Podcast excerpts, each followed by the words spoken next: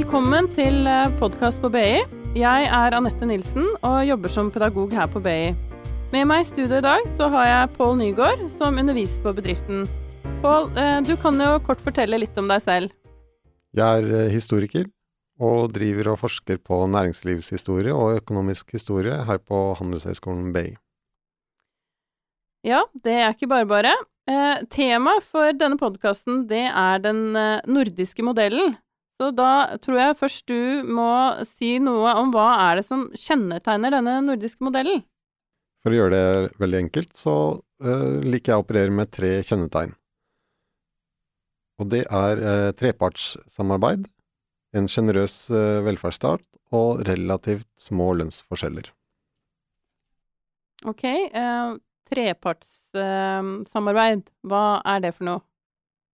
Ja, det er at uh, partene i arbeidslivet, de samarbeider. Det er topartssamarbeid. Og så, uh, når det blir trepartssamarbeid, så er staten med i dette samarbeidet for å diskutere og finne ordninger og hvordan arbeidslivet skal fungere. Dette, jo, dette trepartssamarbeidet er blitt formalisert, og det som vi kaller for institusjonalisert. Så det er, det, dette foregår i faste former. Mm. Og dette har jo da vokst fram eh, gjennom historien. Eh, og, og, har blitt liksom en fast løsning, sånn at det kjennetegner hvordan arbeidslivet er organisert i Norden. Ja, for deg sa, du sa i Norden, og jeg tenker i og med at det heter den nordiske modellen, så må det jo være noe med denne modellen som skiller seg fra, eh, om ikke resten av verden, så i hvert fall en del av verden, da. Ja. Dette er jo et uh, vanskelig spørsmål, og om, veldig omdiskutert. Mm. Uh, men uh, for å si det sånn, jeg kan si det med en sosiolog som het Esping Andersson. Han opererte med tre idealtypiske modeller for hvordan velferdsstater er organisert. Og da er den nordiske modellen en av de tre typene. og da skiller han mellom en amerikan, ja, eh, amerikansk, en eh, kontinentaleuropeisk og en nordisk modell. Mm. Og det som da kjennetegner de nordiske modellene, er at man har universelle velferdsordninger.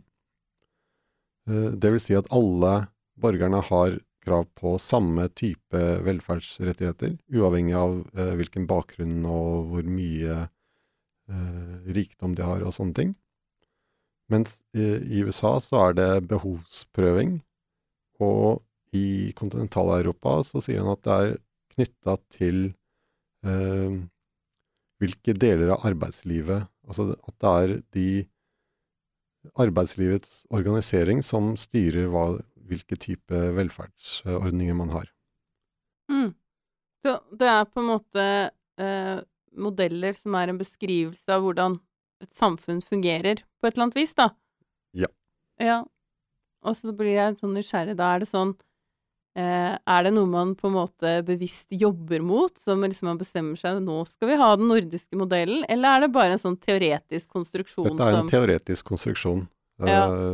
for å eh, prøve å fange opp essensen i hva, hvordan samfunnet er organisert. Ja, og så synliggjøring av ulike ulikheter mellom de ulike samfunnene. Riktig.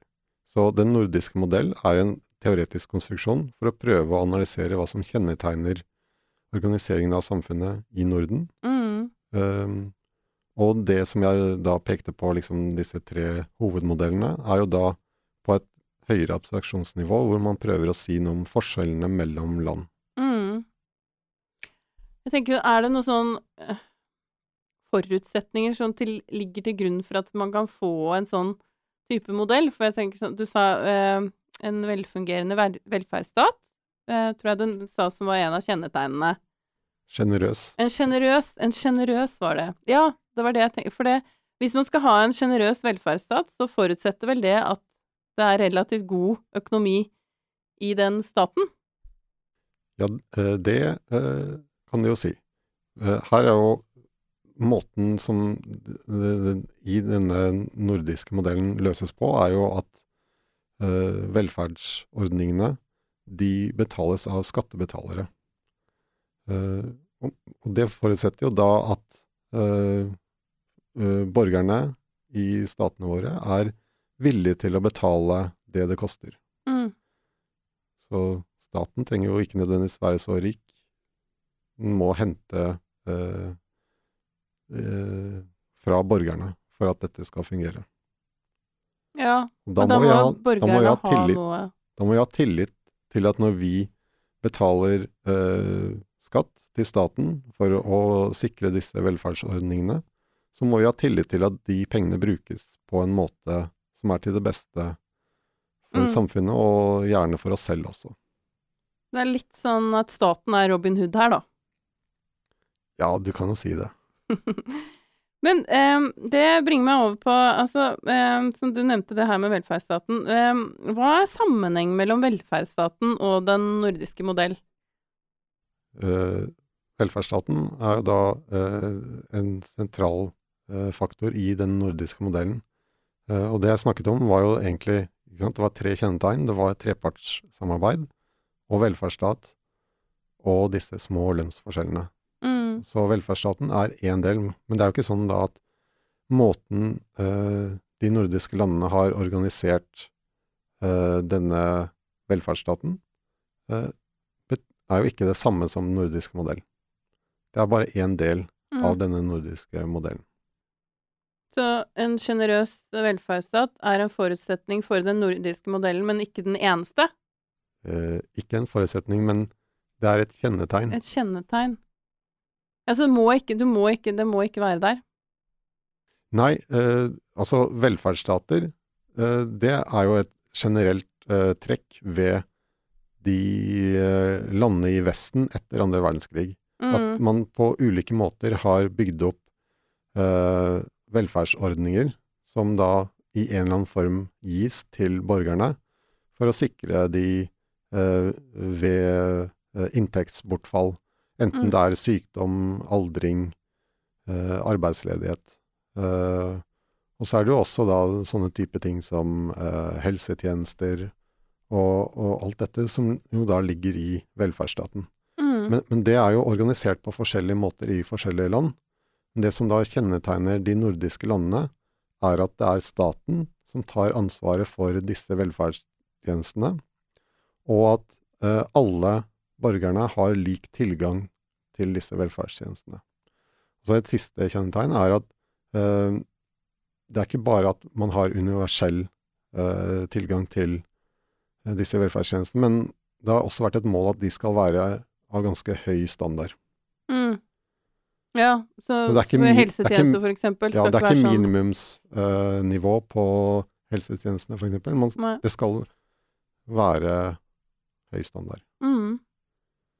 Ja. Men jeg tenker det er jo da eh, Forutsetter jo det at staten har god økonomi? Ja. Og det er jo en grunn til at eh, disse systemene vokste fram etter andre verdenskrig. Mm. Da var det jo i Norge, som i de fleste land i Europa og Vesten, da var det eh, Da fikk vi veldig god økonomi. Eh, det var veldig høy økonomisk vekst i denne perioden. Eh, som gjorde da at det var mulig å utvikle disse velferdstjenestene og betale for dem. Enten mm. det var via skatteseddelen, eller at man inngikk private forsikringer, eller øh, forsikringer via arbeidsplassen. Mm. Det er forskjellige måter å løse dette på. Men, men, det er helt riktig, alt forutsetter at noen klarer å betale for det. Mm. Um, hva tenker du er det, det viktigste med den nordiske modellen?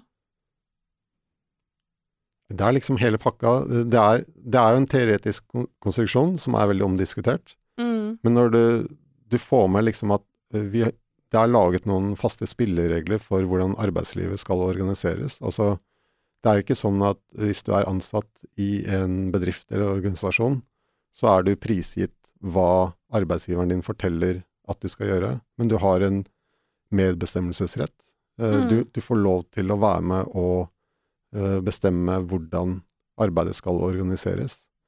Eh, og dette henger da sammen med trepartssamarbeidet, hvor det, som springer da ut av eh, en historisk utvikling hvor eh, man i Norden fant da et kompromiss hvor da de store arbeidsgiver- og arbeidstakerorganisasjonene istedenfor å krangle seg imellom, fant ut at hvis man samarbeidet og laget spilleregler for hvordan konflikter skulle håndteres, så ville det gjøre det bedre for alle parter. Og dette har da etter hvert tatt veldig faste former. Uh, og så har da også staten kommet inn og er med i hele dette systemet for å diskutere hvordan arbeidet skal organiseres og konflikter løses. Men det er vel også noe som gjøres i andre land enn Norden? Ikke på samme måten. Det er, eh, det er en eh, Og dette er selvfølgelig mulig å diskutere, men, men eh, den posisjonen som fagforeningene har i å være med i alle organer i en bedrift og ha en stemme som blir lytta til, og at også staten det er liksom det veldig unike, at staten er med i dette systemet og diskuterer hvordan spillereglene i arbeidslivet skal være. Ok. Og, det, og du kan si fordelen med dette er at det eh, demper konfliktnivået. Eh, for når, når, det er liksom tillit mellom partene i arbeidslivet, og, eh, og begge parter føler seg ivaretatt, og at de, eh, sine interesser blir tatt eh, tatt i følge, så, så, så, blir det mer harmonisk arbeidsliv. Og, og, mange peker da på at dette fremmer produktivitet og omstillingsevne. Og, og så er det jo mm. selvfølgelig mulig å diskutere hvor effektivt og eh, produktivt dette er, men det er i hvert fall sånn teorien er. Mm. Det høres jo ut som uh, et Disney-eventyr. ja, det er jo Det er også mange som Når man snakker om dette som en nordisk modell, ja. Og de siste årene så har jo da også uh, det blitt sånn, veldig sånn at veldig mange ser uh, mot hva denne nordiske modellen er, og så prøver man å kopiere det. Det ligger jo i modellbegrepet at her er det noe man kan kopiere mm -hmm. i andre land. Uh, og, og, de siste tiåret så har veldig mange land da begynt å se liksom ja, Er ikke dette den perfekte måten å gjøre det på? Og Så diskuterer man jo da også er det mulig for andre land å kopiere dette, eller er det noe så spesifikt ved de nordiske landenes historie, kultur, eh, sammensetning og tradisjoner som gjør at dette systemet fungerer her, men det kan ikke kopieres andre steder. Mm. Ja, for det, selv om du på en måte har tre eh, kjennetegn, så tenker jeg at det, det, skal jo mer til enn, bare, øh, enn det, til å bare adoptere det til en annen kultur og til et annet land. I hvert men, fall med et knips, fordi dette har jo vokst fram eh, gjennom eh, ja, over 100 år. Ja.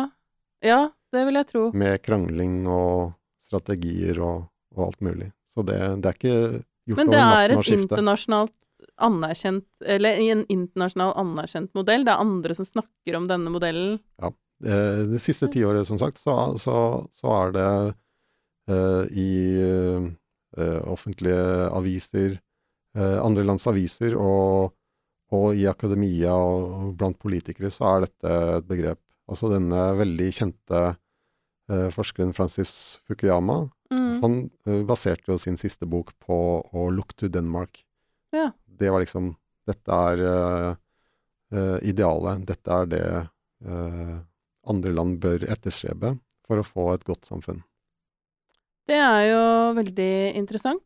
Jeg har lest det at til Norge så kommer trender for å dø, men det er tydeligvis da at vi også har noen eh, trender eller modeller som er verdt eh, å ja, dette, er, dette, er, jo trender, Uh, for dette er ikke første gang da at man liksom har sett til uh, Norden eller Skandinavia.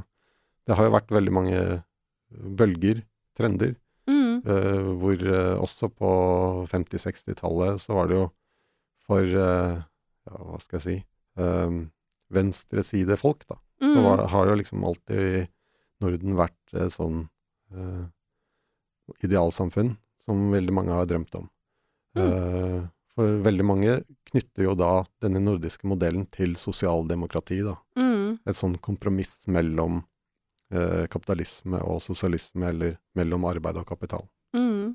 Og der var vi plutselig over på politikk. Så da tror jeg kanskje at vi skal si at eh, siste ord er sagt for eh, den nordiske modell i denne sammenheng.